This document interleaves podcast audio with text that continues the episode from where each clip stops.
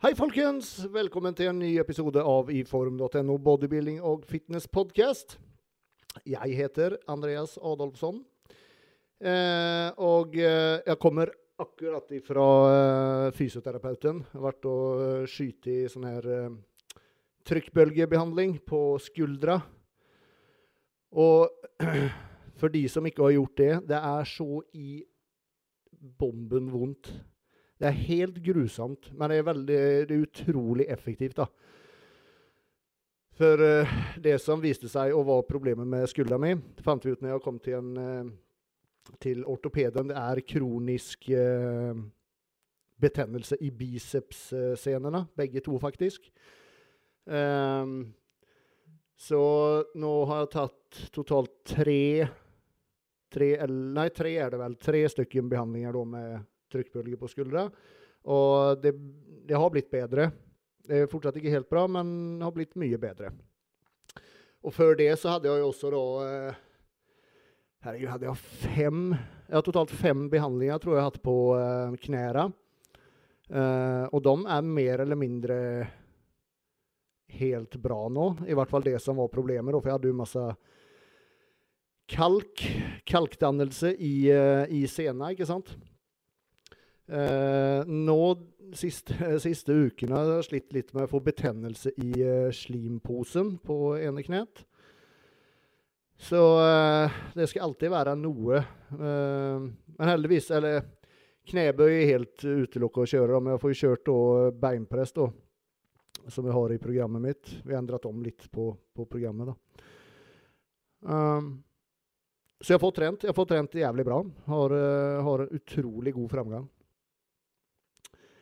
Um, videre uh, Jeg må fortelle en uh, om en kar som jeg følger på Instagram. Som, han heter Tom Egil Embeland. Uh, sinnssykt sterk. Han, han kjører liksom rapper med 260 i bøyen.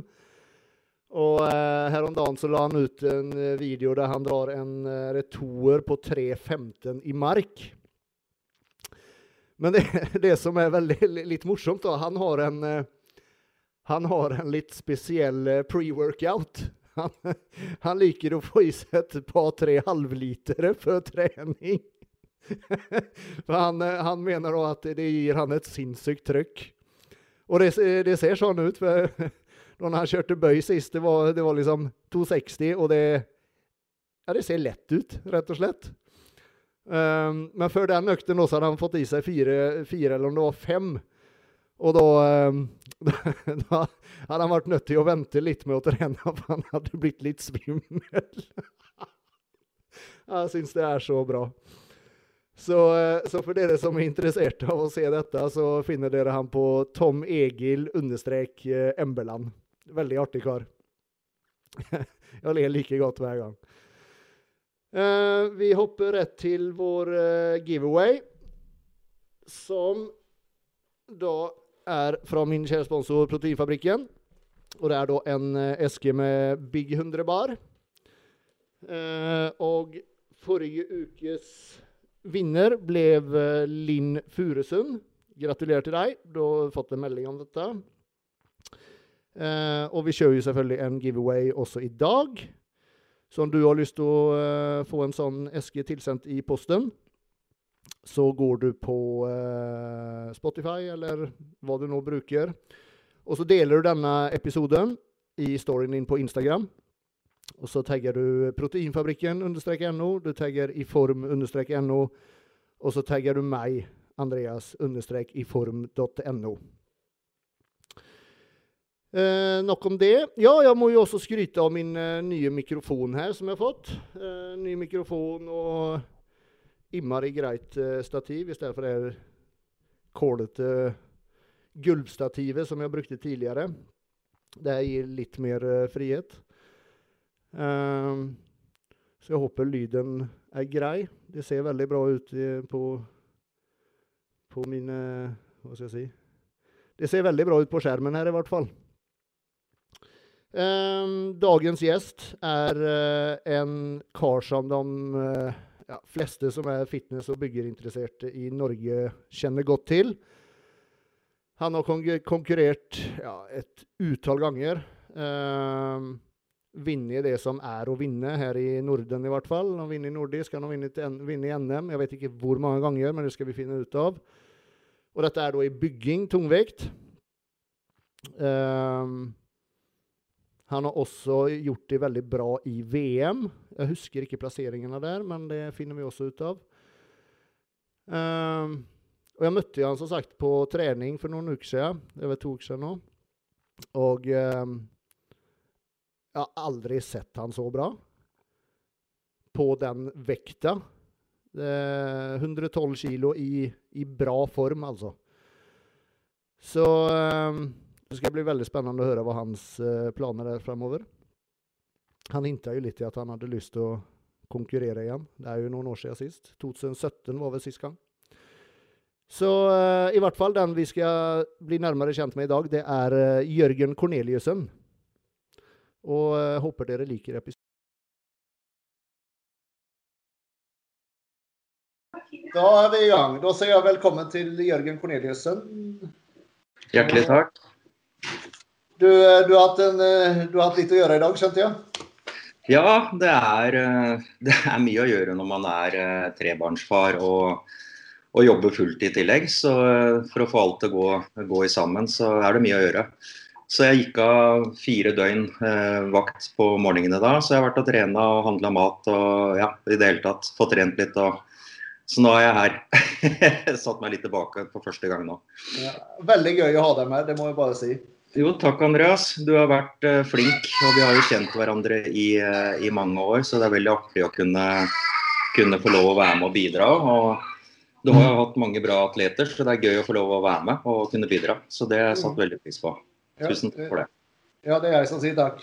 Eh, du kan vel egentlig bare starte med å bare gi en kort presentasjon av deg selv, for de som muligens ikke vet hvem du er? Ja, nei, mitt navn er uh, Jørgen Korneliussen. Jeg er uh, snart 50 år. Uh, konkurrert siden 99 fram til 2017. tre ganger norgesmester, to ganger nordisk mester, Eh, to bronse fra VM Masters, også stilt i eh, senior-VM eh, også, og vært i finalen der. Så jeg har egentlig fått med meg ganske mye forskjellig, føler jeg. Mm. Konkurrert utenlands siden 2000 og, ja, 2009. Ja.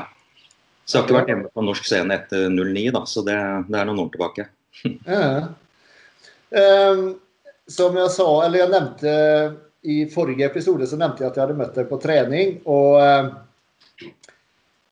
den, hva skal jeg si, den formen jeg så deg i nå, og hvordan du så ut Jeg tror aldri jeg har sett deg så bra. Nei, takk. Nei, det er koselig å kunne høre det. da, At uh, man holder, uh, holder, koken. Og at det fortsatt er mulighet til å være i form uansett uh, alder og hvor man er i livet. Jeg tror at det å det handler veldig mye om innstilling og livsstil. Da. Altså hvor man, på en måte, hvor man ender opp og hvor man er i de forskjellige fasene i livet.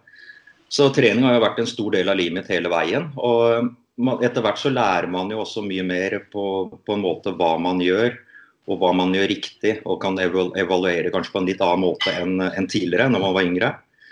Så det er vel sunn fornuft som også kommer inn i bildet. Man har lagt opp rutiner, kjenner kroppen sin bedre. Det er mange ting som kommer, kommer fram. Da. Så hvis du mener at det er kanskje den beste formen nå noensinne, så er jo det bare et kompliment som jeg må si takk for. Så, men det er vel ikke helt borte, tror jeg. Jeg har, har greid å bygge opp en, en, ja, en bra gjennomtrent kropp gjennom mange år. Mm. Så det er vel kanskje mye av det som stemmer òg. Mm. Og bare det å si at du faktisk har framgang i, i, en alder som du selv sier, i snart 50 år gammel, ikke sant? Og, og at du fortsatt har en progresjon, ikke sant? Ja, Altså, det er jo det med den sulten. Da. Altså på en måte aldri, altså aldri være fornøyd med der man er, men også alltid se mulighetene og komme videre. Uh, og Det er jo sånn det er for oss gutta som har vært med mange år i gamet. Se nye muligheter, nye måter å trene på. Uh, bevare sulten og på en måte entusiasmen for å på en måte oppnå nye resultater. og Der har jeg vel egentlig prøvd å være god. Det det å oppsøke nye treningsmiljøer, prøve nye, nytt utstyr, møte nye mennesker. Eh, være ærlig mot seg sjøl og hele tida ha en, en sult da, for å på en måte prestere på, på, et nytt nivå og prøve å utvikle seg. Det handler mye om, eh, mye om det. Mm. Og Hvis man greier det, så har man muligheten til å holde på i mange år. Og så kommer man langt med sunn, sunn fornuft. Det å kunne, kunne, bidra med å bruke hodet underveis og, og tenke langsiktig. Ikke tenke kortsiktig, men tenke eh, over en lengre tidsperiode. Da. da tror jeg også man har større sjanse for å få resultater. Mm. Men, men som nå, da, har du, har du hele tiden i bakhodet at du at du skal bli bedre til neste konkurranse, eller er det bare at du, du har den sulten naturlig, at du vil bli bedre? Mm. Altså kan, jeg tror det kan være en, en kombinasjon av, av, begge deler. Men jeg har alltid hatt en, en sult om å altså Jeg har alltid vært et konkurransemenneske da, fra jeg var fra jeg var en liten guttunge. Det med å konkurrere på ski, friidrett, jeg har vært med på kickboksing. Altså, og det har alltid konkurrert i alle idrettene jeg har vært med på. Det starta som en, eh, en, slags eh, hobby, men så har det på en måte underveis utvikla seg til uh, å, å, bli konkurranser, da. Så, sånn er det bare. så det, nei, jeg har alltid hatt et konkurranseinstinkt som alltid har ligget der. Mm.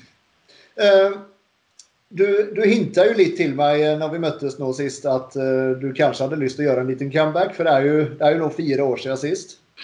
Ja, altså jeg har alltid hatt en sånn der, uh, toårsintervall uh, da, når jeg har konkurrert og, og sånne ting. og det, nå har jo den sprukket, så kanskje det er på tide å, å, å, gjøre noe med det. Altså, det, det, jeg har lyst til, er jo det at jeg har alltid hatt en drøm om å bli eh, verdensmester i masters. Det har, det har, egentlig vært en drøm siden jeg eh, konkurrerte der første gang i, eh, var det i 2011.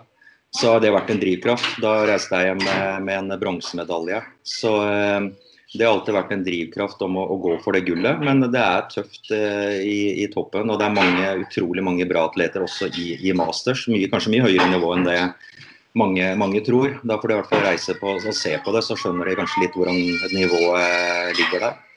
Så eh, det har vært en av de kreftene som jeg har jobba mot. Nå har jeg ikke nådd helt opp dit ennå, så det er kanskje, kanskje det som også er med å, å, drive med. Men så er det en livsstil. Altså det å uh, ta vare på seg sjøl, ta vare på venner. Uh, vennskap, alle de rundt òg. Det er liksom en, en, livsstil, det med trening, som, uh, som har drevet meg i alle år. Så um, vi får se litt framover hva som skjer. Men det er ikke, ikke umulig i hvert fall at jeg, at jeg, gjør et comeback, da, for å si det sånn. Mm. Mm. De, de ganger du, du, har vært med i VM, har du selv følt at du har truffet allting 100% At formen har vært der, at, du, liksom, at oppkjøringen har gått som du ønsket? Nei, altså, du, du, kan si at uh, alt, alt, kan jo bli bedre. Altså, man blir jo aldri um, uh, fornøyd med, med, det man driver med. Det er jo kanskje en av grunnene til at man driver med den den sporten vi driver. At man blir aldri fornøyd. Eh, så jeg har vel aldri følt at det har vært eh, maks. Men eh, jeg har vært i, god form både i 07 og 09. Så følte jeg kanskje at det var at jeg fikk maks ut av det potensialet jeg hadde der og da. Men jeg føler vel at jeg aldri har fått ut maks av det som kanskje ligger i eh, fysikken min og, og ramma og, og, hva jeg har. At jeg kanskje aldri har fått muligheten til det pga. jobb, eh, familie, mange ting som har spilt inn som jeg kanskje ikke har hatt muligheten til å gå all in. Da. Eh, og også at jeg også har valgt å prioritere kanskje andre ting framfor kanskje det å bli best innenfor bodybuilding. Mm. Det, er, det, er, mange ting som spiller inn. Men, men, det viktigste er tross alt uansett unger og familie. Da. Det er jo det man det man har eh, til syvende og sist eh, eh seinere i livet òg. Så det er jo det viktigste. Kropp og trening det er, en, det er, en, del av livet, men absolutt ikke det viktigste. Det viktigste er familie og det man lever med resten av livet. Mm. Mm. Så du lar aldri byggingen gå foran familie og sånne ting, utan det er kun en hobby? Altså Det har alltid vært en, en hobby, eller kanskje, det har jo kanskje vært mer enn det i perioder òg. Men jeg husker jeg ble intervjua av Body, det svenske treningsmagasinet, for en del år tilbake. og Så ble jeg spurt da om, om målet mitt var å bli profesjonell bodybuilder. Og da svarte jeg allerede da at det, det var jo absolutt ikke det. Det har aldri vært en, en drøm eller et mål om å, om å bli det.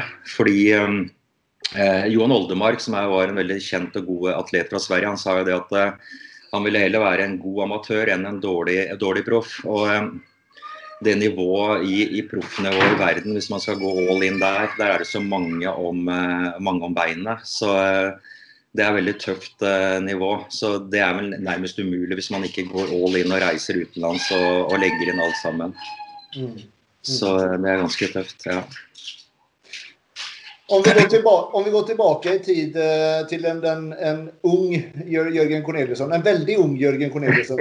ja, da må vi gå tilbake. Hva var det egentlig som fikk deg å begynne trene styrketrening, og hvordan kom det seg at du på en måte satsa på bygging? Mm. Ja, det, det, husker jeg faktisk eh, veldig godt, selv om det er lenge siden. Jeg, jeg, husker tilbake til Det var NM i 95, som eh, det var NM på Chateau Neuf i Oslo. Eh, jeg og en kompis som ikke hadde noe bakgrunn fra bodybuilding i det hele tatt, dro inn til NM eh, i kroppsbygging og så på for første gang. Eh, og jeg husker ennå den den opplevelsen jeg hadde når jeg satt der i salen på Chateau Neuf og så kroppsbygging for første gang, det var det er en av de beste opplevelsene jeg har hatt i hele mitt liv. Jeg kjente det det brusa hele kroppen. Jeg fikk gåsehud. Altså, jeg kjente at det var et vanvittig kick i, i hele kroppen min. Uh, og I tillegg så var også Flex Wheeler uh, gjesteposør under uh, NM. Oi. Og han er jo den, altså den, utøveren i verden gjennom tidene, spør du meg, altså, som er den optimale kroppsbyggeren i mine øyne. Så det å se han, og også se de utøverne på scenen, og da reagerte jeg på, på en måte som tenkte at hvis de gutta på scenen blir så bra, så skal søren meg jeg greie det òg. Så det er to måter å, å, angripe det på. Enten kan man tenke nei, nei, nei, dette er altfor gode atleter. Eller så kan man tenke at det her er absolutt mulig, og jeg skal bli like god, om ikke, om ikke bedre. Liksom. Altså, det var sånn jeg tenkte da. Så det var en sånn følelse som gjorde at da la jeg planer på at jeg skulle konkurrere i bodybuilding etter å ha vært der inne. Mm. Eh, før det så hadde jeg egentlig bare hatt bakgrunn fra altså kickboksing, konkurrert der på nasjonalt nivå og innen friidrett, så jeg var opptatt av atleter og trente utøvere. Men men ikke noe mer enn det. Jeg er opptatt av trent kropp, da. Men eh, det var liksom det å se en kroppsbygger ordentlig live for første gang, det var en, eh, ja, en vanvittig opplevelse. Og så må vi huske at tilbake i Norge til 95 til 2000 så var det et helt annet nivå på, eh, på både utøver og deltakelse når det gjaldt kroppsbygging. Det var jo noe helt annet enn dessverre det det er i dag. Det var liksom en status å være god i kroppsbygging, og det, vi hadde mange mange bra atleter òg det også var en drivkraft at jeg hadde lyst til å bli en av de. Mm. Hvor, hvor, lenge hadde du trent da når du var og så på NM der? Hadde du begynt å trene styrketrening allerede? Ja, jeg, trente, jeg trente, hadde trent styrketrening i friidretten for å bli mer eksplosiv og de tingene der. Så jeg hadde jo på en måte en, eh, en bakgrunn fra styrketrening, men ikke noe, ikke noe seriøst. altså ikke, Hadde ikke hatt noe coach eller på en måte et eh, et system bak som hadde hjulpet meg med noen store treningsprogrammer eller noe sånt nå. Så når jeg da etter å ha vært der inne og sett på det og hadde lyst til å satse, så starta jeg egentlig på scratch.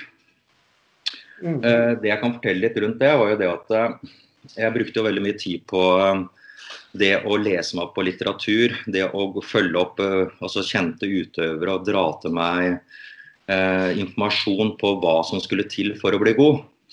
Og Det er jo kanskje sånn tips som jeg kan gi til utøvere i dag. at eh, Hvis du ønsker å bli god i noe, så er det også en jobb du må legge ned. Det er liksom ikke bare å kontakte et team eller en coach. Jeg føler liksom at eh, hvis du oppriktig har lyst til å bli god i noe, så er du også villig til å eh, gjøre, gå ganske langt da, for å innhente den informasjonen og den, det du trenger. Så jeg leste veldig mye litteratur.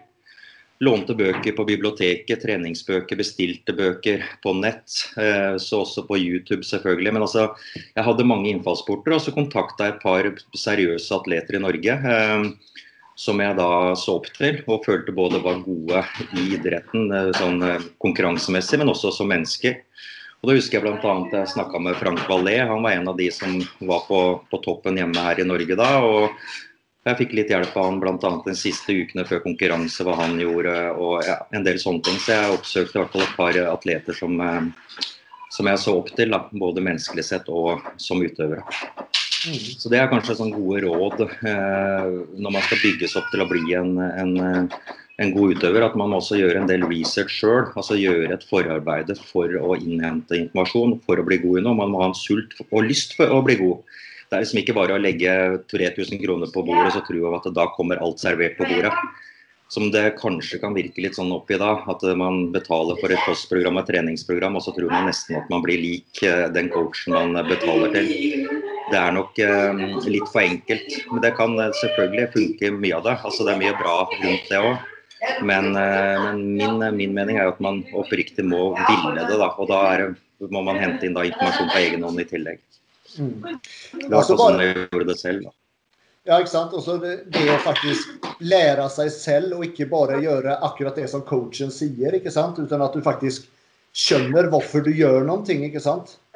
Jo, altså det handler vel mye om det å bli kjent med seg selv òg, da. Altså det er på både godt og vondt, men altså i hvert fall det å kjenne sine både sterke og svake sider, og prøve å forbedre de svake sidene og styrke de, de sterke sidene. Eh, og Det gjelder jo både anatomisk sett, hvordan kroppen din er bygd opp, hvilke øvelser funker og hvilke øvelser funker ikke. Altså Alt dette her spiller jo inn på, på sluttresultatet. da. Og så tror jeg det handler mye om eh, hvor eh, sterk psykisk du er, hvor ærlig du er mot deg sjøl. Altså det med å kanskje da aldri bli fornøyd, men alltid ha sulten om å eh, alltid sulten om å bli bedre i noe. Da. Altså da må man også legge ned et arbeid og være ærlig mot det. og og jobbe hardt og aldri, aldri, gi opp, kanskje, for å si det sånn. Mm. Det handler mye om det. Da når du begynte å trene da, hva skal si, seriøst og konkurranseinnriktet For mm. du er jo naturlig en hva skal jeg si, atletisk person. Da. Du har alltid holdt på med idrett. Ja, ja. Eh, kom, kom resultatene fort? Merka du fort at det skjedde ting? Ja, du må nesten bare hjelpe meg litt. Ja, Det er bare et par unger som eh, jeg bråker litt på i bakgrunnen her. Bare ta det igjen, Andreas. Da når du begynte å trene seriøst, og du hadde liksom satt deg planen at du skulle bli god i kroppsbygging, det var noe du hadde lyst til å satse på. Mm. Kom, kom, resultatene fort? Merkte du fort at det ble forskjell i fysikken din når du begynte å trene ordentlig?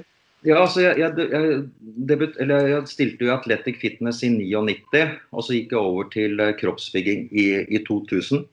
Mm. Uh, og det var min første kroppsbyggerkonkurranse i 2000. Og det også husker jeg veldig godt, fordi den gangen så var vi vel, jeg tror vi var en, rundt 25 atleter ja, i, i, minus 90-klassen.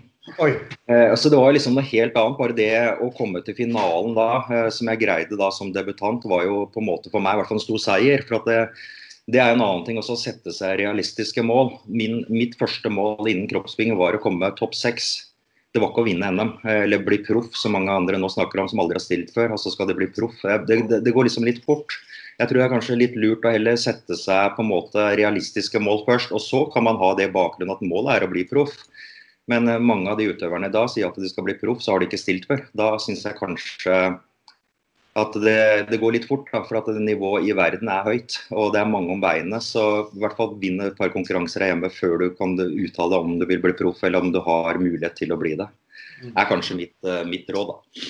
Men i hvert fall så, så, stilte jeg NM i 2000, og da husker jeg at han, det var Jon Morten Thomassen. Han var eh, regjerende juniorverdensmester i, eh, i kroppsbygging. Han var med i i min klasse var minus 90. Jeg var jo bombesikker på at han var minus 100 når vi sto backstage og varma opp. Og så Karlsen kommer bort meg og sier at Jørgen, du, må, du er klar over at han er i klassen din. Og jeg, jeg, trodde ikke det var mulig, for det var jo eh, Jeg var jo tynn flis eh, som var debutant, eh, og syntes bare det var gøy å få lov å være med blant de, de gutta. Å se det, noen av de atletene backstage, eh, det var, eh, det var veldig stort. Var, men det var en veldig bra start. Jeg kom, kom topp seks. Jeg kom til finalen, så det var vel egentlig, ga meg egentlig bare blod på tann. Og så um, vant jeg min første konkurranse i 2002. Det var Oslo Grand Prix. Det i minus 90. Det var første gangen jeg vant, uh, vant en konkurranse.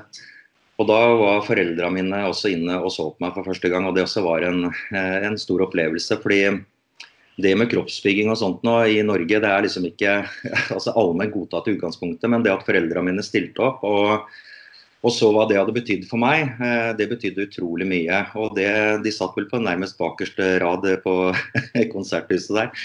Men, men det at de stilte opp for meg, det betydde vanvittig mye. Eh, som, ja, Jeg husker jo det ennå, så det var en stor eh, opplevelse at de stilte opp for meg. Og at jeg vant i tillegg, det var selvfølgelig bare en ekstra bonus.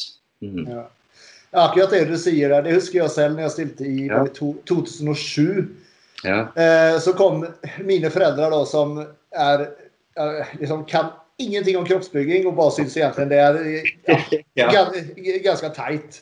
Ja. Men, men att de, de reiste da, det, var i Danmark det her, ikke sant? Og jeg kjenner akkurat hva du mener det med, for det, det er en utrolig følelse at de faktisk tar seg bryet med å dra dit og faktisk se, ikke sant? Ja, det er helt enig med deg, Andreas. Det, det var, betydde utrolig mye for meg. Eh, menneskelig sett. Og det å på en måte få en, en respekt for det som jeg hadde brukt da tusenvis av timer på, eh, og, og at, de, at, de, var med og ønska å bidra på det, det betydde utrolig mye. Så også det at jeg husker det den dag i. Det er jo ganske mange år siden. Så, så det husker jeg godt. Og det har betydd mye for meg. Og det viser også at man da blir satt pris på for det, det man har lagt ned. Da. For at det, når det gjelder det med trening, eh, så kan man bruke mye av det både mot jobb og privatlivet. Det med altså systematikk, være ærlig mot seg sjøl, jobbe mot mål over tid. Eh, ha troa på det man driver med. Altså Mange av de tingene her kan man bruke både i privatlivet og i, eh, i arbeidslivet. Så jeg har brukt mange av de tingene, og jeg husker jo tilbake Blant annet jeg var på, på, var på en diett, og jeg var så sliten at jeg nærmest trodde jeg skulle dø, eller jeg var i hvert fall ikke langt unna. Også, men jeg har alltid vært sånn sterk psykisk at jeg, da tenkte jeg alltid på meg sjøl tenkte jeg, ok, hvis jeg går den turen her sånn, det kommer ingen av de andre konkurrentene mine til å greie. For nå er jeg så syk i huet at dette her, det er ingen andre som takler. Og jeg var så sliten at jeg måtte ha med meg mobiltelefon i lomma, for jeg var, ikke, jeg var ikke sikker på om jeg greide å gå den runden. Altså Jeg var bombesikker på at jeg kom til å ligge i grøfta og måtte da ringe til noen hjemme, så de kom og henta meg med, med, bil. da. Heldigvis greide jeg å krabbe meg rundt den uh, gåturen og komme kom meg tilbake. Men, men det, det, ga meg en, en, eh, vanvittig styrke. Det ga meg en, en, kraft som jeg på en måte kunne bruke videre på dietten. Det at jeg på en måte takla motgang, jeg takla smerte. Eh, jeg var sterk psykisk, eh, og jeg takla de tunge periodene. Det, det, gjorde meg egentlig bare enda sterkere som utøver og person. Da. Og så tror jeg også det at når man er eh, ferdig med en konkurransediett, det å på en måte sette pris på de små tingene i, eh, i dagliglivet. da, Jeg tenker på dra på tanken og kjøpe deg en sjokoladebolle. altså eh, de små tingene. Spise ferskt brød med leverpostei og sylteagurk og synes det er en nytelse. ikke sant? Man trenger ikke det mest eksklusive dyret, men det er de små verdiene man setter pris på. Det er også jeg takknemlig for, for alle diettene jeg har vært igjennom. at man setter pris på kanskje litt enkle ting i livet, men det er faktisk det som betyr noe til syvende og sist. Mm. Det er det. det er mange tanker og mange opplevelser gjennom åra. Ja, det er det. Bare det å faktisk kunne Man gleder seg til å bare kunne spise, spise et ostesmørbrød, ikke sant? Det, ja, det er helt sprøtt. Når du, du prøver å fortelle det til noen som ikke driver med denne galskapen. det, er det er bare det som jeg tenker på sånn hotellfrokost. Da, si at du spiser egg og bacon og sånt, og så ferske rundstykker, og så skeier ut med ett rundstykke med Nugatti på. ikke sant? Det er jo som å ja, det er heaven. ikke sant? Det er, det er jo så godt. For at du vet at det er kanskje en uke til neste stevne, men du kan ta det ene rundstykket med Nugatti dagen derpå. Og så er det bare å gå ut på kardio dagen på, eller altså senere på kvelden igjen og så kjøre på neste uka igjen. da. Men de opplevelsene der, det gjør jo sånn at det, det å spise ett rundstykke med Nugatti det er jo som, Du hadde jo betalt tusenvis av kroner for det, for den opplevelsen er bare helt utrolig. Og det er som du sier, Andreas, at det, det er, man må ha vært igjennom det for å forstå det. Altså, ja. det til en, en, vanlig person som ikke har vært med og konkurrert, eller noe, så vil den bare riste på hodet og si men det er jo ingenting. Men eh, tro meg, du vet jo det. Altså, det, det rundstykket, det er, ja, det er hellig. Det er, det. det er helt eh, ja, langt utenom det vanlige. Det er det. Ja. Og det, det som du sier, det er å faktisk presse seg gjennom den gåturen. Mm. Den, den, dagen du faktisk står på scenen og du vet at du har gjort absolutt alt du faktisk kunne. Du vet at du er i god form for at du gikk den ekstra turen, ikke mm. sant? Mm. Og, og framfor alt når du vinner i tillegg. Ja, det, er, det er så verdt det. Alt er verdt det. Altså, det, er så rett det du sier. for at Det å vite at du har gjort alt som står i din makt for å komme der yes. du er, altså, det er en, en spesiell følelse. for at jeg, jeg, har møtt så mange utøvere gjennom åra som sier, altså kommer bort da, Jeg kan, kan, ta et eksempel. Det kommer en person til meg og så sier han at eh, ja, hva syns du om formen min? Så sier jeg nei, den er jo den er bra, den. Men kanskje det kunne vært bedre. Så ja, jeg har bare vært på diett i to måneder, sier vedkommende da. Og så sitter jeg og tenker, men hvorfor gadd du å gå bare to måneder på diett når du kanskje kunne vunnet? Så blir du kanskje da topp tre, da, eller tredje-fjerdeplass. Og så er du fornøyd med det, når du hadde kanskje sjanse til å gå all in. Og da føler jeg liksom det er litt den der med å være ærlig mot seg sjøl. Og så tenkte jeg ok, nå skal jeg være litt ærlig mot han utøveren. Så sier at eh, du er i en god, meget god sommerform. Og så blir han litt sånn fornærma, da. ikke sant? Så sier han til meg ja, jo, jo, det er egentlig sant, det. Men sier jeg, hvorfor starta du ikke dietten halvannen måned før? Så hadde du kanskje vunnet hele konkurransen. Og det er der det ligger litt. da, altså det, I dag så føler jeg at mange, mange, vil ha en seier, altså de vil ha det, men de er ikke villige til å betale prisen.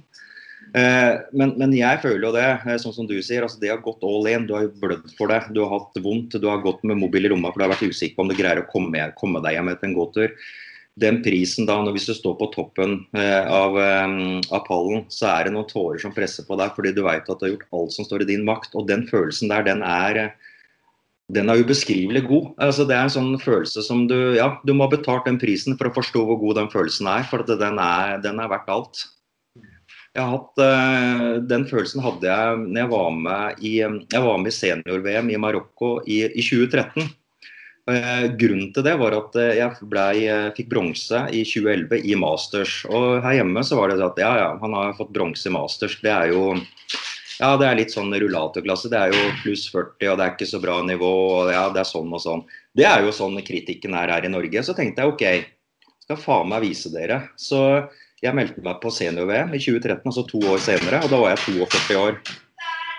Og stilte i, i supertungvekt. Eh, og kom da til finalen i VM. Jeg var den eneste fra hele Norden som var der nede og stilte.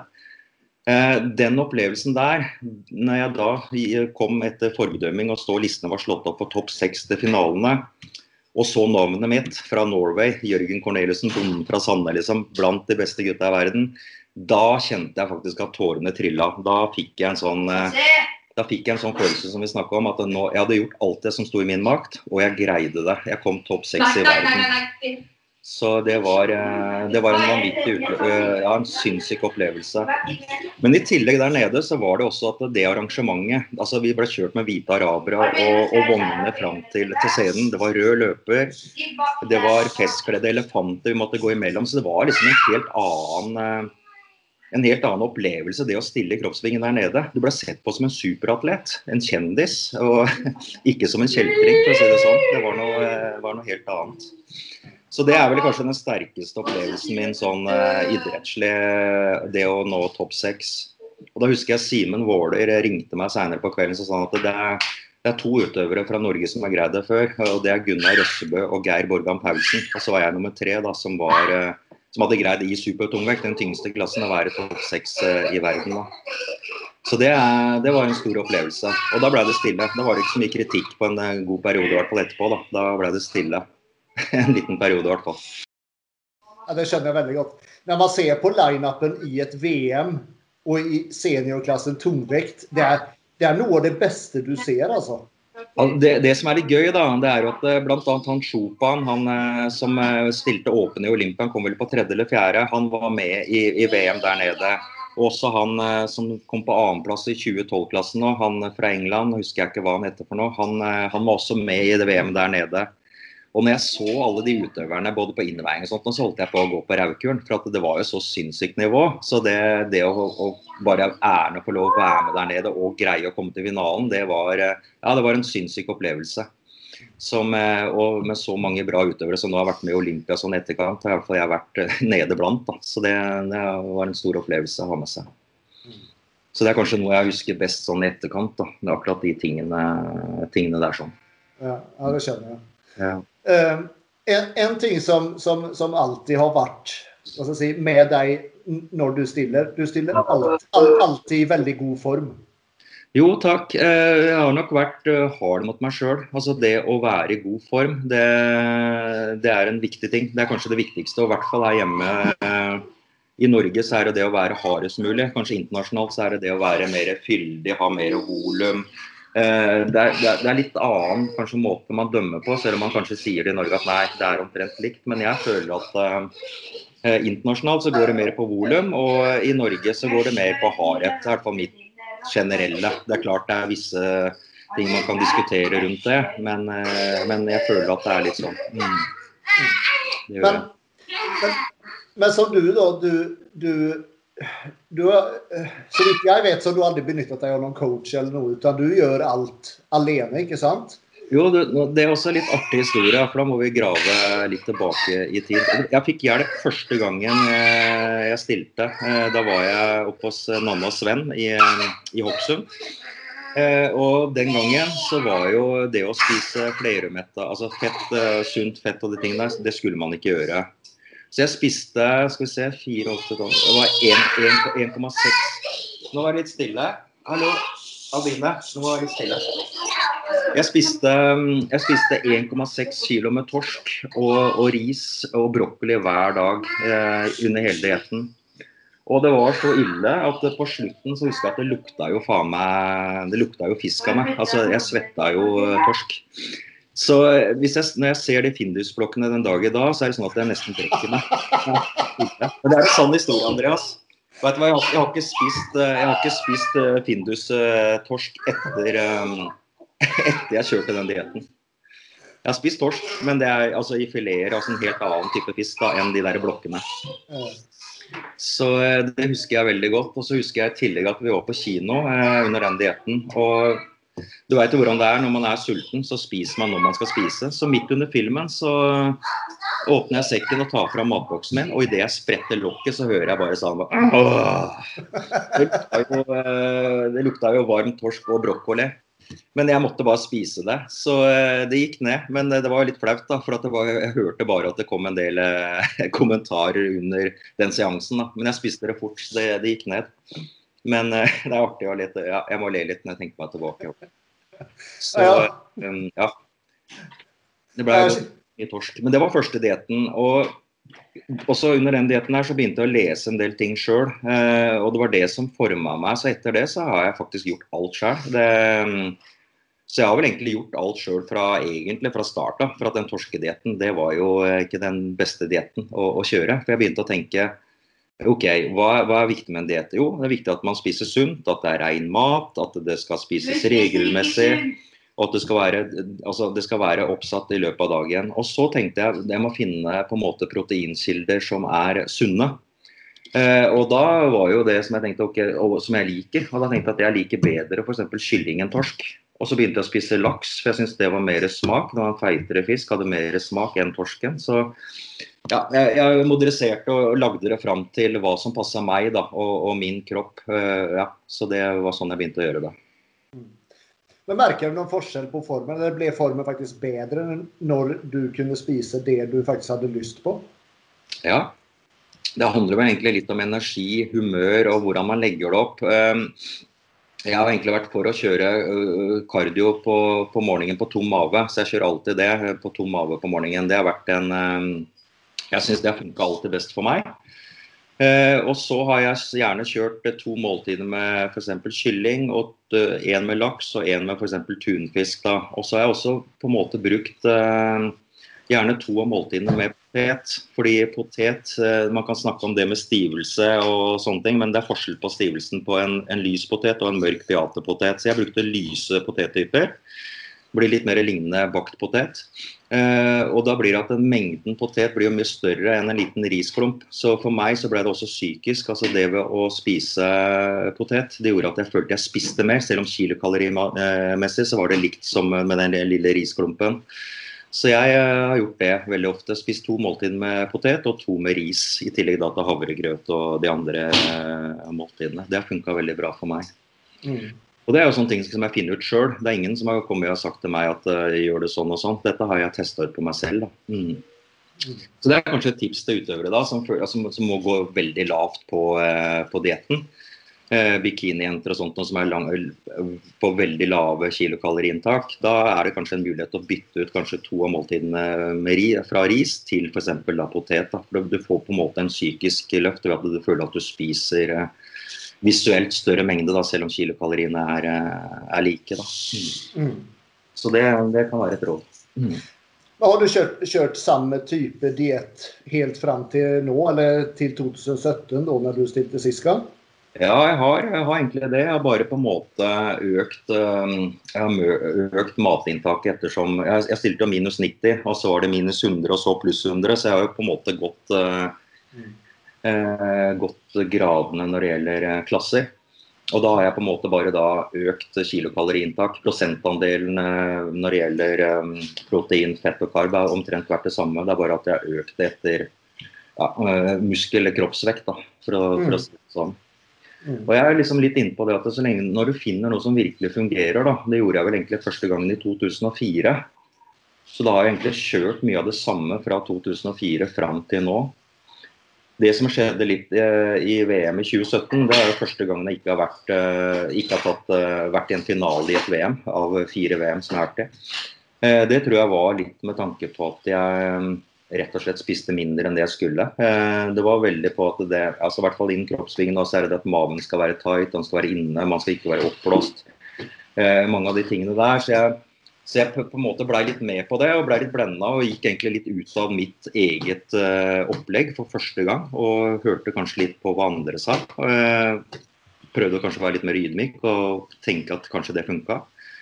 Men det funka kanskje ikke så optimalt som jeg hadde håpa og trodd på. Eh, det slo i hvert fall feil ut eh, eh, resultatmessig, da. Så jeg fikk jo ikke de, de målene og resultatene som jeg hadde satt meg. Absolutt ikke.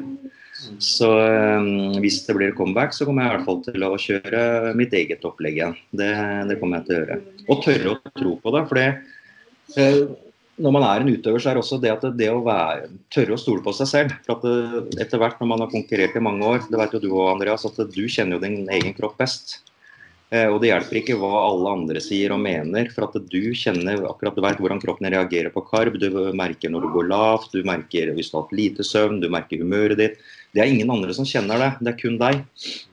Så det å tørre å kunne gå sine egne veier og tørre å ta de, eh, de avgjørelsene, det, det tror jeg er veldig viktig og, og, være ærlig på det. Og tørre å gå sin egen vei. da.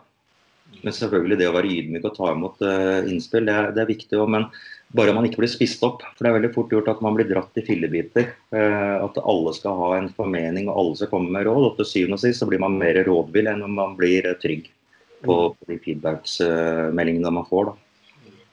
Ja, man, må, man, må, liksom velge hvilke råd man faktisk skal høre på. For noen, noen råd er veldig gode. og for, Framförallt også i slutten på en diet når man blir blind på seg selv, ikke sant? Mm. Eh, men, men, benytter du deg av noen sånn siste ukene for å få et hva skal jeg si, objektivt syn på hvordan du faktisk ser ut? Eller klarer du det selv å, se at nei, jeg mangler fortsatt litt på formen? Jeg har faktisk eh, gjort, gjort, alt sjøl der òg. Jeg har det. Det er jo jeg har fått hjelp av ekskona mi tidligere, andre kjærester og sånt som har hjulpet meg selvfølgelig med, med feedback. Men, eh, men, ikke noe sånn organisert at jeg har reist til en klubb eller fått eh, en objektiv tilbakemelding. Men jeg tror nok at jeg er veldig mm, skal jeg si for noe? Jeg er nok veldig streng mot meg sjøl. Jeg er veldig ærlig og, og alltid vært eh, dønn ærlig mot meg sjøl. Og sagt akkurat til meg sjøl hva jeg fortjener å høre. Er det ikke bra nok, så har jeg sagt til meg sjøl at dette holder ikke i det hele tatt. Du må gå hardere, du må bli mer tight der, du må fylle opp skuldrene, passe på deg, passe på ryggen, og nå henger det etter. Så jeg har alltid vært eh, veldig ærlig mot meg sjøl, føler jeg. Um, og det er jo Kanskje jeg skulle blitt helt knekt alle de kritiske meldingene jeg sendte eller brukt på meg sjøl, men, men, det har vel også styrka meg som en som person og utøver. fordi um, den ærligheten har jo også forma meg til å bli en hard worker som uh, ikke har gitt opp og troa og turt å stole på seg selv. da. Også det heller gå litt eh, stille i dørene og heller prøve å levere på scenen. da. Eh, nå har jeg blitt litt mer glad kanskje å være på Instagram og sånn de siste åra, men, eh, men det, også, det, var også en av grunnene Det var jo sponsor som fikk meg til det. Jeg var ikke på Instagram og jeg var ikke på Facebook. Ingen av disse tingene var jeg tidligere. Og det var jo pga. at jeg var ikke så opptatt av av den responsen, egentlig. For jeg jobba i kulissene, og så gikk jeg på scenen, og så stort sett så vant jeg. Og så reiste jeg hjem igjen med den gullmedaljen. Det var egentlig litt sånn eh, Daniel Myhrvold sa dette med at du Jørgen, du vet at du har det ryktet. At du, du kommer bare rett før konkurransen, varmer opp, går på scenen, du vinner, og så tar du gullmedaljen, så går du hjem igjen. Altså, det var litt morsomt, da, men det, litt, var jo litt sannhet i det, i hvert fall. Altså, jeg var ikke den som lå backstage i timevis og sånt. Jeg kom en, en halvtime av time før, og så varme opp, og så reiste jeg etterpå når jeg var ferdig. Men, eh, men, det er jo gøy å bli satt pris på, da, sånn som nå å være med på ja, sånn det webmøtet vi har her nå, eller andre ting òg. Men, men, for meg så var det rett og slett det med sponsor som gjorde at jeg ble mer opptatt av det med media og, og de tingene der sånn. Mm. Det var det. Det er liksom sånn tida er, hvis man skal ha hjelp med sponsorer, sånn som nå, ikke sant, med sponsorer og sånt. Og så må, ja, du må, du, må på en måte vise ting da, for å på en måte få, eh, få hjelp. og det, det, er, det, bare sånn eh, samfunnet og tida er. Ja. Sånn var det ikke før. Mm. Det er jo helt andre tider nå, bare som det med blader og sånt. Det er jo ikke alls på samme måte i dag. Nei. Nei, ikke sant? Før så var jo bare det, jeg husker bare det at jeg fikk muligheten til å være med i det svenske Body. Det var jo en kjempeopplevelse. For det var liksom det, det beste vi kunne oppleve her i Norden. Få lov å være med der og få noen sider i et sånt blad. Eh, så ja, så det var, det var ikke sånn som det er nå, da, med at man kan poste selv og legge ut og markedsføring og sponsing og sånt. Det var, ikke, det var jo ikke sånn i det hele tatt. Nei. Nei. Så For å gå tilbake til, til, til diett. Eh, en ting som jeg merker selv når jeg er på diett, og sånn mot slutten, da, ikke sant mm. Eh, jeg regner med at du er likedan som meg, at man blir aldri fornøyd. ikke sant? Kan alltid bli litt hardere, ikke sant? Mm. Og, og, noe som jeg finner vanskelig, det er det å jeg, jeg kutter gjerne litt på maten til, for jeg lider heller litt mer og har det litt mer jævlig, men, og, og vet at jeg blir i bedre form. Men noen ganger så blir det faktisk rett og slett at man kutter for mye på maten. Mm. Er det noe du, du, finner utfordrende også?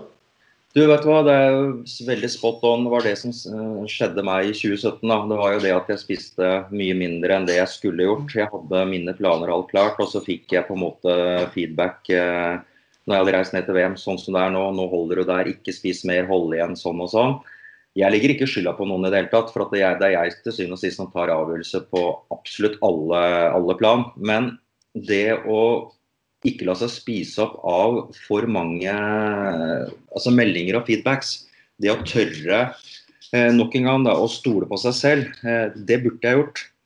Eh, og det lærte jeg av. Men, men samtidig altså en tøff læring. Det er også sånn at man For meg så er det sånn at hvis jeg har opplevd ting, så tar jeg alltid og evaluerer. og er det, er det, positivt, så evaluerer jeg. Og er det negativt, og er det negativt, så får man også en sånn at man har lyst på en måte å, å vise på nytt at hei, det her var en bomtur, jeg skal søren meg vise dere. altså Man kan bruke det sånn. Og, så, og, hvis det går bra, så kan man jo si at se her, det funka, da kommer jeg til å fortsette med det. ikke sant? Man får en bekreftelse. Men, men uansett da, så bruker man ting som en, læ altså en læringsprosess. da, og jeg spiste nok altfor lite i forhold til hva jeg skulle. Og jeg så det backstage når jeg begynte å varme opp, og at jeg hadde ikke den Altså, jeg kjente at ikke karben gikk inn sånn som man pleide å gjøre. Uh, jeg så det. Og det er jo egentlig kanskje noe av det mest frustrerende, når du står backstage og varmer opp, og du er deffa, men du kjenner at du har ikke nok karb eller nok mat i kroppen til å fylle muskulaturen din sånn som du pleier å gjøre. Så jeg kjente at jeg følte at jeg, når jeg begynte å varme opp, så var jeg ja, 75-80% av meg sjøl. Og det er, altså det er jo 20-25% mindre eller dårligere enn det man kunne vært. da. Og Det er en vanvittig frustrerende opplevelse å stå backstage med strikken der. Egentlig hadde jeg bare lyst til å begynne å grine, for å være dønn ærlig. Egentlig bare lyst til å dra hjem. Men, eh, men, jeg kunne jo ikke det, jeg måtte bare få fullført. Men jeg, jeg begynte å se det der, og det var, det var egentlig en ganske tøff um, en ganske tøff opplevelse for en utøver. for jeg, jeg, kjenner meg så sjøl og jeg veit hvordan nivået er, at jeg så at dette her går ikke veien sånn som jeg hadde trodd. Så, um, så det er kjedelig. Men eh, sånn var det nå bare. Så det var en hard opplevelse. Men samtidig så trengte jeg kanskje det. Altså det å få en uh, midt på trynet, ærlig talt, det gjorde også at jeg fikk en uh, fikk en sånn sultfølelse igjen. Jeg, jeg, trengte kanskje å få en sånn wake-up call og si at hei, må du fader meg våkne opp, Jørgen. Det er ingenting som kommer gratis. Og kanskje jeg var for mett, jeg, at jeg trodde jeg var bedre enn det jeg var, eller andre ting òg. Det vet jeg, vet jeg, heller ikke. Men, um, men, i hvert fall at um, jeg fikk meg en på trynet. Det gjorde jeg, og jeg kjente den godt. Uh, det var en kjip opplevelse. Jeg skulle gjerne slippe i den opplevelsen, for å være helt ærlig. Men samtidig så bruker jeg det heller nå som en styrke, da. Sånn sett. Ja, det ser ut som du har brukt det som en styrke nå, i hvert fall med tanke på For den, den formen du er i nå, på den vekten ja. har, har, har, du noen gang vært i så bra form på den vekten før? Nei, altså jeg føler jo egentlig at jeg er ganske jeg skal si for noe komplett uh, i, i, fysikken nå. Altså, I hvert fall gjennomtrent. da. Altså, jeg er tight og fin i hele, hele, fysikken, så jeg er fornøyd. Eller fornøyd, man blir aldri fornøyd. Men jeg, jeg føler at, at, ting fungerer bra. Jeg finner en balanse med trening og alt som fungerer for meg. Og det er kjempebra. Det er veldig viktig òg. Eh, og det er jo gøy å kunne bevise at, eh, at kroppen fortsatt spiller på lag, eh, og at ting fungerer. Det er jo veldig spennende. Så nei da, jeg, jeg føler at absolutt at kroppen er ja, han er sånn som han bør være og skal være, da, for å si det sånn. Men da har du også han Michael Hearn da, fra USA, som er vel ja, 50 pluss, 2-53, som ser ut som one million dollars.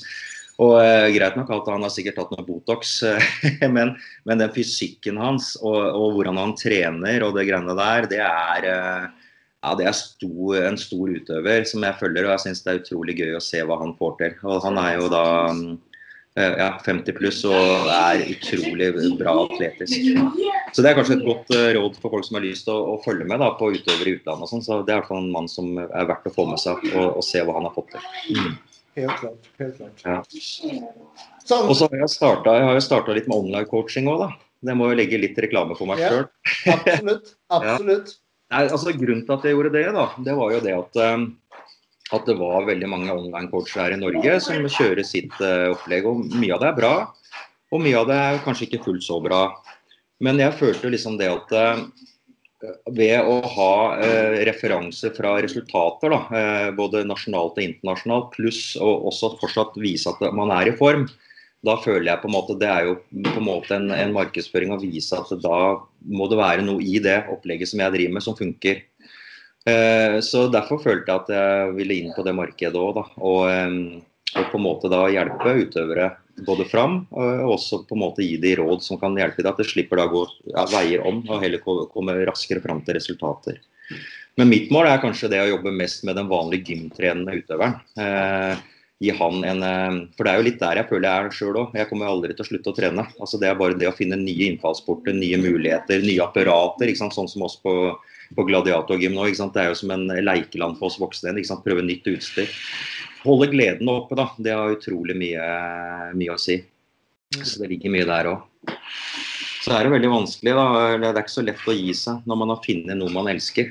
Det, det ligger i, hjerterota. Både opplevelsesmessig, vennskap ja, Det er mange ting som spiller inn. Og så er det også det å på en måte lære kroppen å takle ja, om det er Ja, vi er i forskjellige faser i livet, ikke sant. Og, og ja, se hvordan kroppen reagerer på de forskjellige områdene. Men det jeg har lært meg, er vel egentlig det at eh, det å ha det godt, Hvis du har det godt med deg sjøl, altså menneskelig sett, balansemessig, så spiller det også positivt ut på, på treninga di. Altså det å ha en, en, jobb du trives i, ha et uh, familieforhold hjemme der du har det bra, du føler deg etablert og du har et, en, et godt liv rundt deg, det spiller veldig mye også igjen på, på treninga. Finne balanse i livet. Og det føler jeg kanskje at det har vært litt for lite fokusert på. For at det veldig ofte da så er det sånn ja, så lenge du spiser, trener og, og sover bra, så, så, får du resultater. Jeg pleier å si at, sette et litt annet perspektiv på det. si at eh, for å få resultater, så er det på en måte å lage en ramme. da, Og innenfor den ramma innenfor denne ramma her er trening, kosthold, livet, familien, alt sammen. Og hvis det fungerer sammen, så vil du få mer resultater. Og bedre og raskere. Så det er på en måte å finne en balanse, en harmoni på de forskjellige plan. Men, eh, men det hadde gått med seg sjøl mentalt, da, som også har blitt mye mer viktig da, det, å, det, mentale, det spiller faktisk en så mye større rolle enn det man trodde tidligere, i hvert fall. Og Det er derfor jeg sier det at eh, det med de gåturene når jeg er så sliten at jeg tror jeg skal gå i kjelleren, men det å, å bite tenna sammen, og troa på det og, og, vise mestring, da, vise at man kommer gjennom den turen, det gir jo meg en vanvittig styrke. Jeg, jeg føler at faderen, jeg kan jo gå gjennom en fjellvegg altså når man greier den turen. Og mobiltelefon var redningsverktøyet, men jeg slapp å bruke den. ikke sant? Det gir jo også at man har troa på det man, eh, det man gløder og jobber for, og også det at man faktisk mestrer det. da. Mm. Så det mentale har utrolig mye å si. Det har det. Det er helt klart. Og det, det er også en ting som viser seg at Hva skal jeg si? Man ser jo ofte det er det er veldig mange som ikke kommer i ordentlig bra form. ikke sant? Greit nok at de kanskje får litt feil coaching eller de gjør ting feil, men det er også det om å ta det ekstra skrittet og faktisk ta den ekstra gåturen. Faktisk gå og være sulten. Mm. Ha, ha, det vondt og jævlig. Ja, det er, det er en, en, vei. Det er helt riktig. Det er det. Altså det, det å bli i form, det er, altså det er jo man, Vi blir en sånn eh, Ja, vi, det må oppleves. Altså det å ha vært i knallform det, har, det, kost, det, koster. Det er smerte, det er tårer, det er vondt, det er lite søvn. Det er mange mange ting som spiller igjen. og spes, Spesielt de siste ukene så går man i en, ja, i en kokosverden, vil jeg kalle det. Man eh, funker ikke helt, og det må ha Post-It-lapper i lomma for man glemmer ting. Eh, alt er vanskelig. Man blir jævlig følsom. Plutselig kunne jeg ringe til foreldrene mine og bare si at jeg var så glad i dem. Eh, altså, jeg er glad i dem uansett, men jeg, altså, man blir overfølsom. Det at man begynner å rydde i krydderskap og sette krydderkrukker i forskjell på etter. Altså, det er, det er mange, mange, sprøe ting da, som skjer i slutten på en diett. Og det, ja, det, det, det er mange ting som skjer. og det er rart å tenke på. Jeg har sittet og vaska skuffer og rydda krydderhyller og sånt, som jeg aldri gjør ellers. Som da pga. slutten av dietten, for å ha noe å finne på. For man blir så stressa. Man greier ikke å roe ned. Selv om jeg prøver å sette meg og se på en film, så greier jeg ikke det. Da går jeg ofte at jeg må begynne å stable i skapet, lage et system på det. Uh, lese kokebøker og planlegge hva jeg skal spise når jeg er ferdig på dietten. Altså, det, er jo, det er jo jævlig mye sprøtt, for å si det rett ut. Så, ja, men, men, sånn er det nå bare. For de fleste tror jeg det faktisk er sånn. Jeg tror ikke det er bare meg. Man blir litt, blir litt påvirka. du, du, blir det. Du blir det.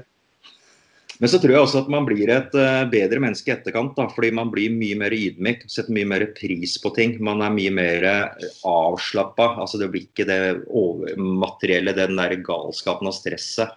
Det kan være kanskje det å bare gå en tur på skauen og ha med seg Eh, knakkpølser og lage et bål, nyte det med rekesalat på den pølsa. Altså Det er sånne ting som faktisk kan bety noe. Du trenger ikke å dra ut og spise en, eh, en eksklusiv middag, liksom. Det er bare det med å være i nærheten med de nærmeste og, og nyte noe sammen. Er, så, sånn sett så kan det være positivt òg.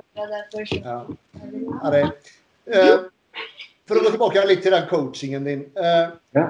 Vil du si at det er framfor alt vanlig, vanlig trenende som, som du henvender deg til, eller er det også folk som konkurrerer? Altså, mitt mål er jo selvfølgelig å hjelpe alle. Altså, for Hvis man setter bare en liten grense, så blir det på en måte kanskje markedet for lite. Eh, jeg ønsker å hjelpe også konkurrerende utøvere som ønsker å komme seg videre der. Men, men jeg føler at det, det, er veldig mange altså, Hvis du ser på en vanlig gymtrener som har trent på gymmet, du har snakka med ham de siste fem åra, vært hyggelig og slått av en prat og sånt, og så sier han til deg plutselig at du Jørgen, nå har jeg trent i fem år, men jeg har ikke noe framgang. Jeg trener på det samme vektene nå som jeg trente for fem år siden. Hva gjør jeg feil? Da er det kanskje at jeg kjenner bare yes, det er jo en sånn utøver som kan være gøy å jobbe med. fordi det er så mange små ting man kan gå inn på for å hjelpe han. For at det er veldig mange av de da, som har stagnert, det er ofte at de kjører de samme øvelsene de kjører samme eh, altså mengden vekter på, på, øvelsene sine. Og de gjentar det år etter år. Så de har ikke gjort en forandring. Og så da er det som jeg sier, altså det å finne kanskje en coach da, som kan på en måte gi deg nye impulser, finne nye øvelser, kanskje periodisere treningen, kjøre dropset. altså Det er mange muligheter. Se på fysikken din. Hva er det du trenger å jobbe mer med? Hva trenger du ikke jobbe så mye med? Altså det, det gjør jo også at det kommer, altså det blir på en måte en, en ny start. da.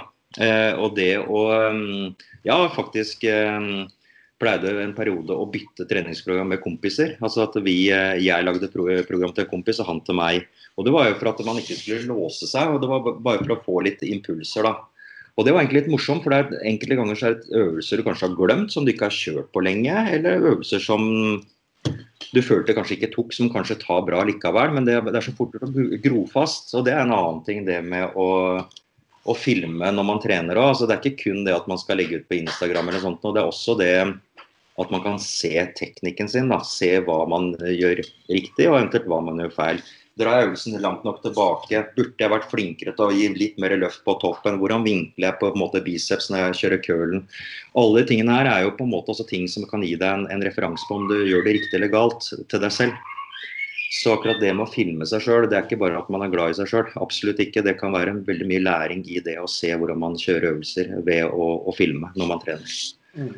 Så, nei, så jeg ønsker egentlig bare å bidra og hjelpe mange. Og så er det litt det med altså man det, hvordan man kan takle det med alder og trening. Jeg føler at, at der også har jeg noe å vise til. da.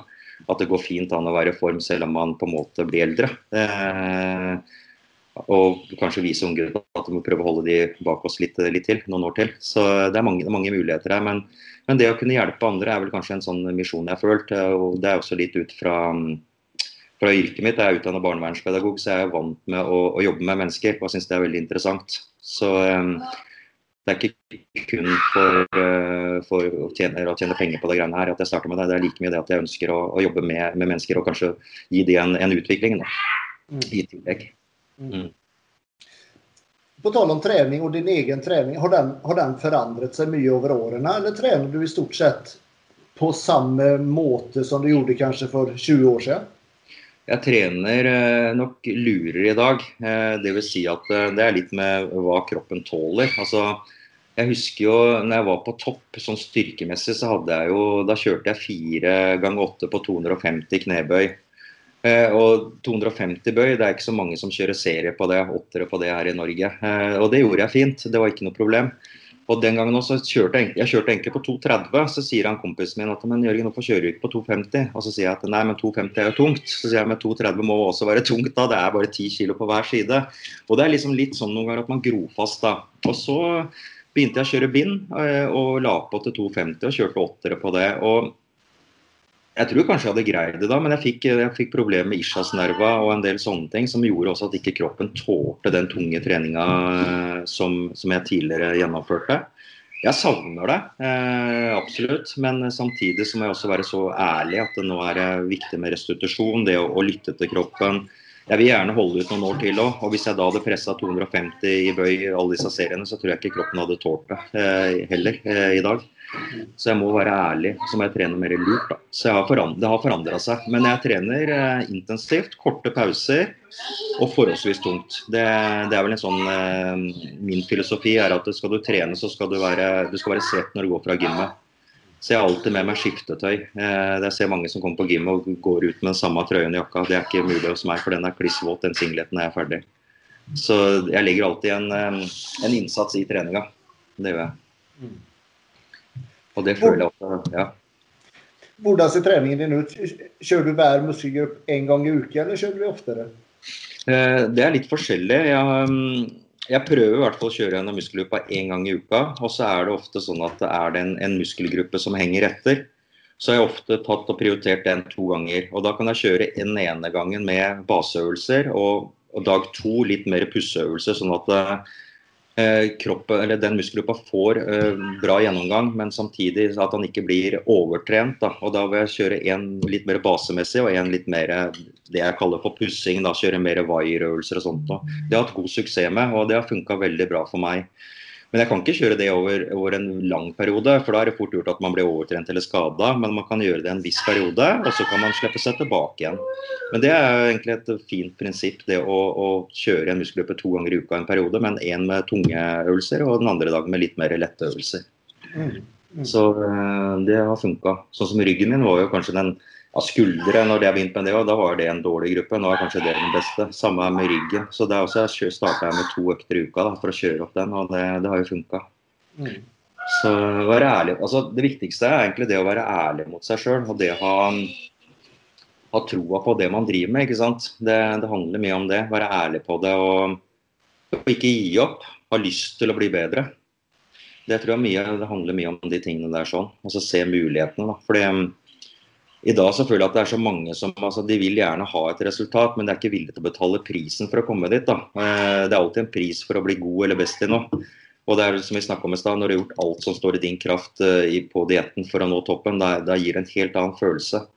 Så um, men det er kanskje derfor også en av grunnene til at ikke alle er i form på et gym. Da. Altså Alle vil, men det er, ingen, det er, nesten ikke noen som er villig til å legge den siste innsatsen for å nå toppen. Da. Så Det er jo det som skiller at man har da gode atleter og andre som ikke er fullt så gode, eller ikke har kommet fullt så langt. Mm.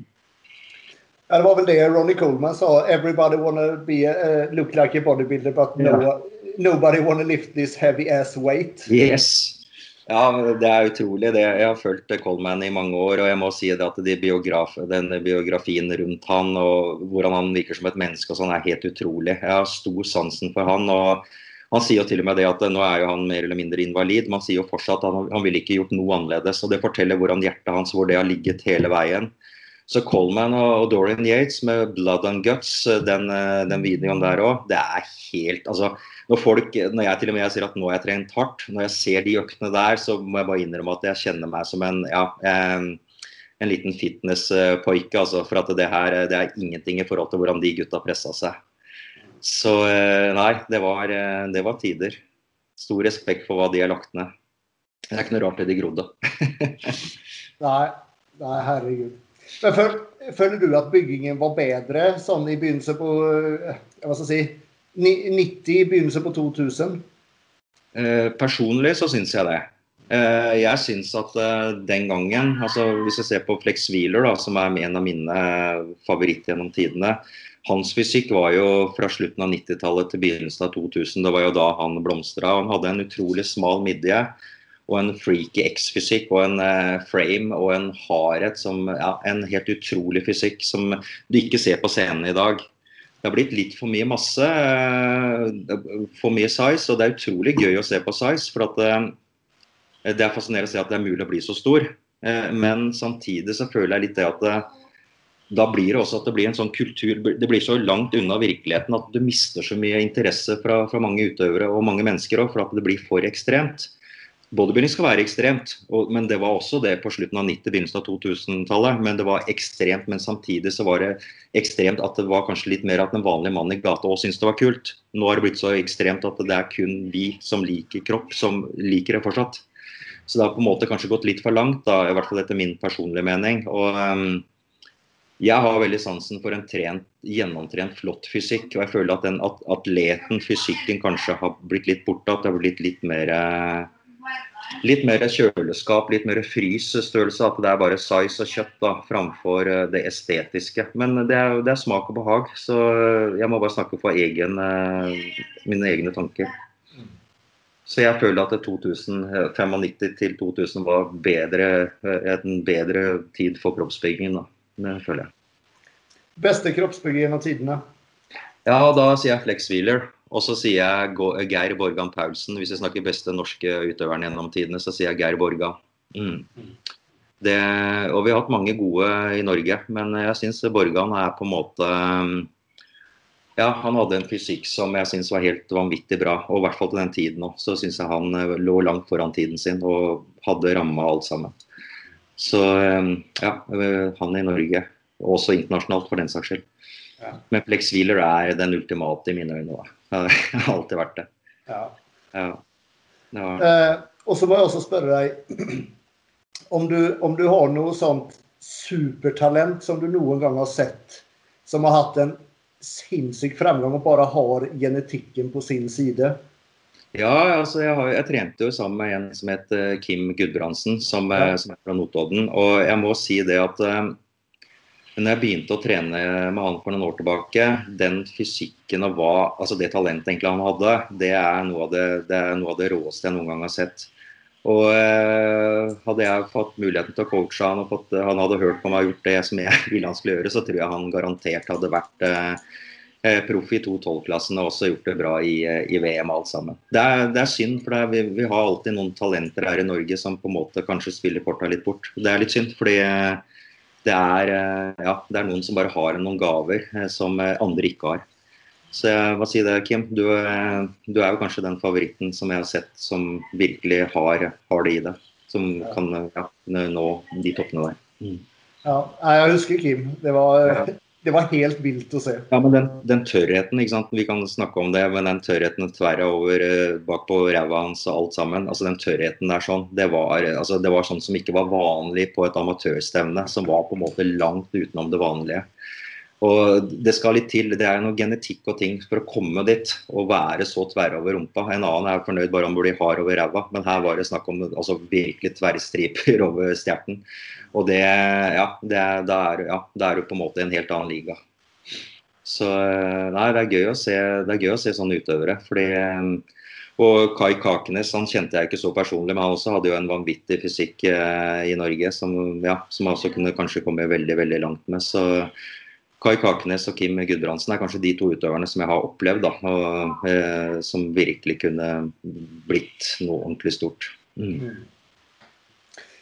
Vi har vært på i eh, litt over en time her nå, så jeg skal jeg la deg gå, Jørgen. Ja, får jeg, får jeg hvile litt. Nei, vet veit hva, Andreas, Kjempehyggelig. Eh, vi ses jo framover på Gladiator Game. Til slutt har jeg lyst til å takke Hvis jeg gjør comeback, som er en stor sannsynlighet for nå, så har jeg fått hjelp av sponsoren min her.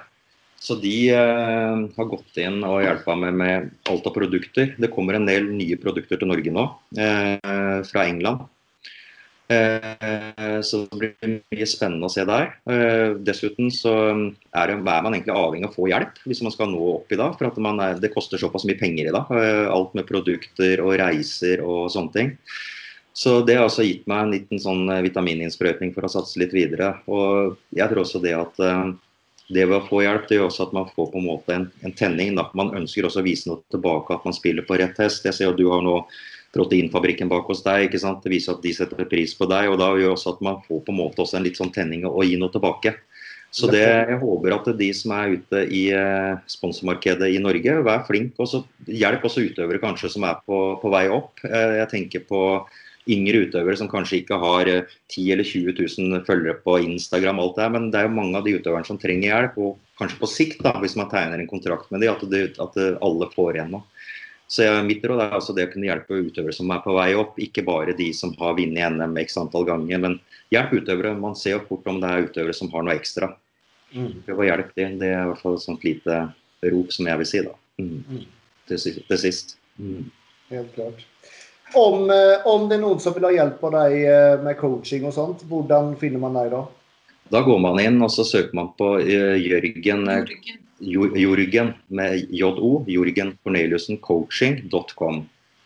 Da finner man, finner meg. Jeg er også på Instagram og jeg er også på, på Facebook. Så gå inn og søk. Stille, send meg gjerne noen spørsmål. Hvis dere ønsker hjelp eller lurer på ting, så skal jeg prøve å stille opp så, så godt jeg kan jeg føler i hvert fall at jeg sitter inne med en del kompetanse som kanskje kan hjelpe de fleste i hvert fall til et uh, nivå videre. Mm. Helt klart. Tusen takk for i dag, Jørgen. Jo, likeså, Andreas. Det er alltid hyggelig å se deg. Så vi får, vi får møtes på treninga snart igjen, så slår jeg en ny prat der òg. Og ta en formsjekk. Det gjør vi.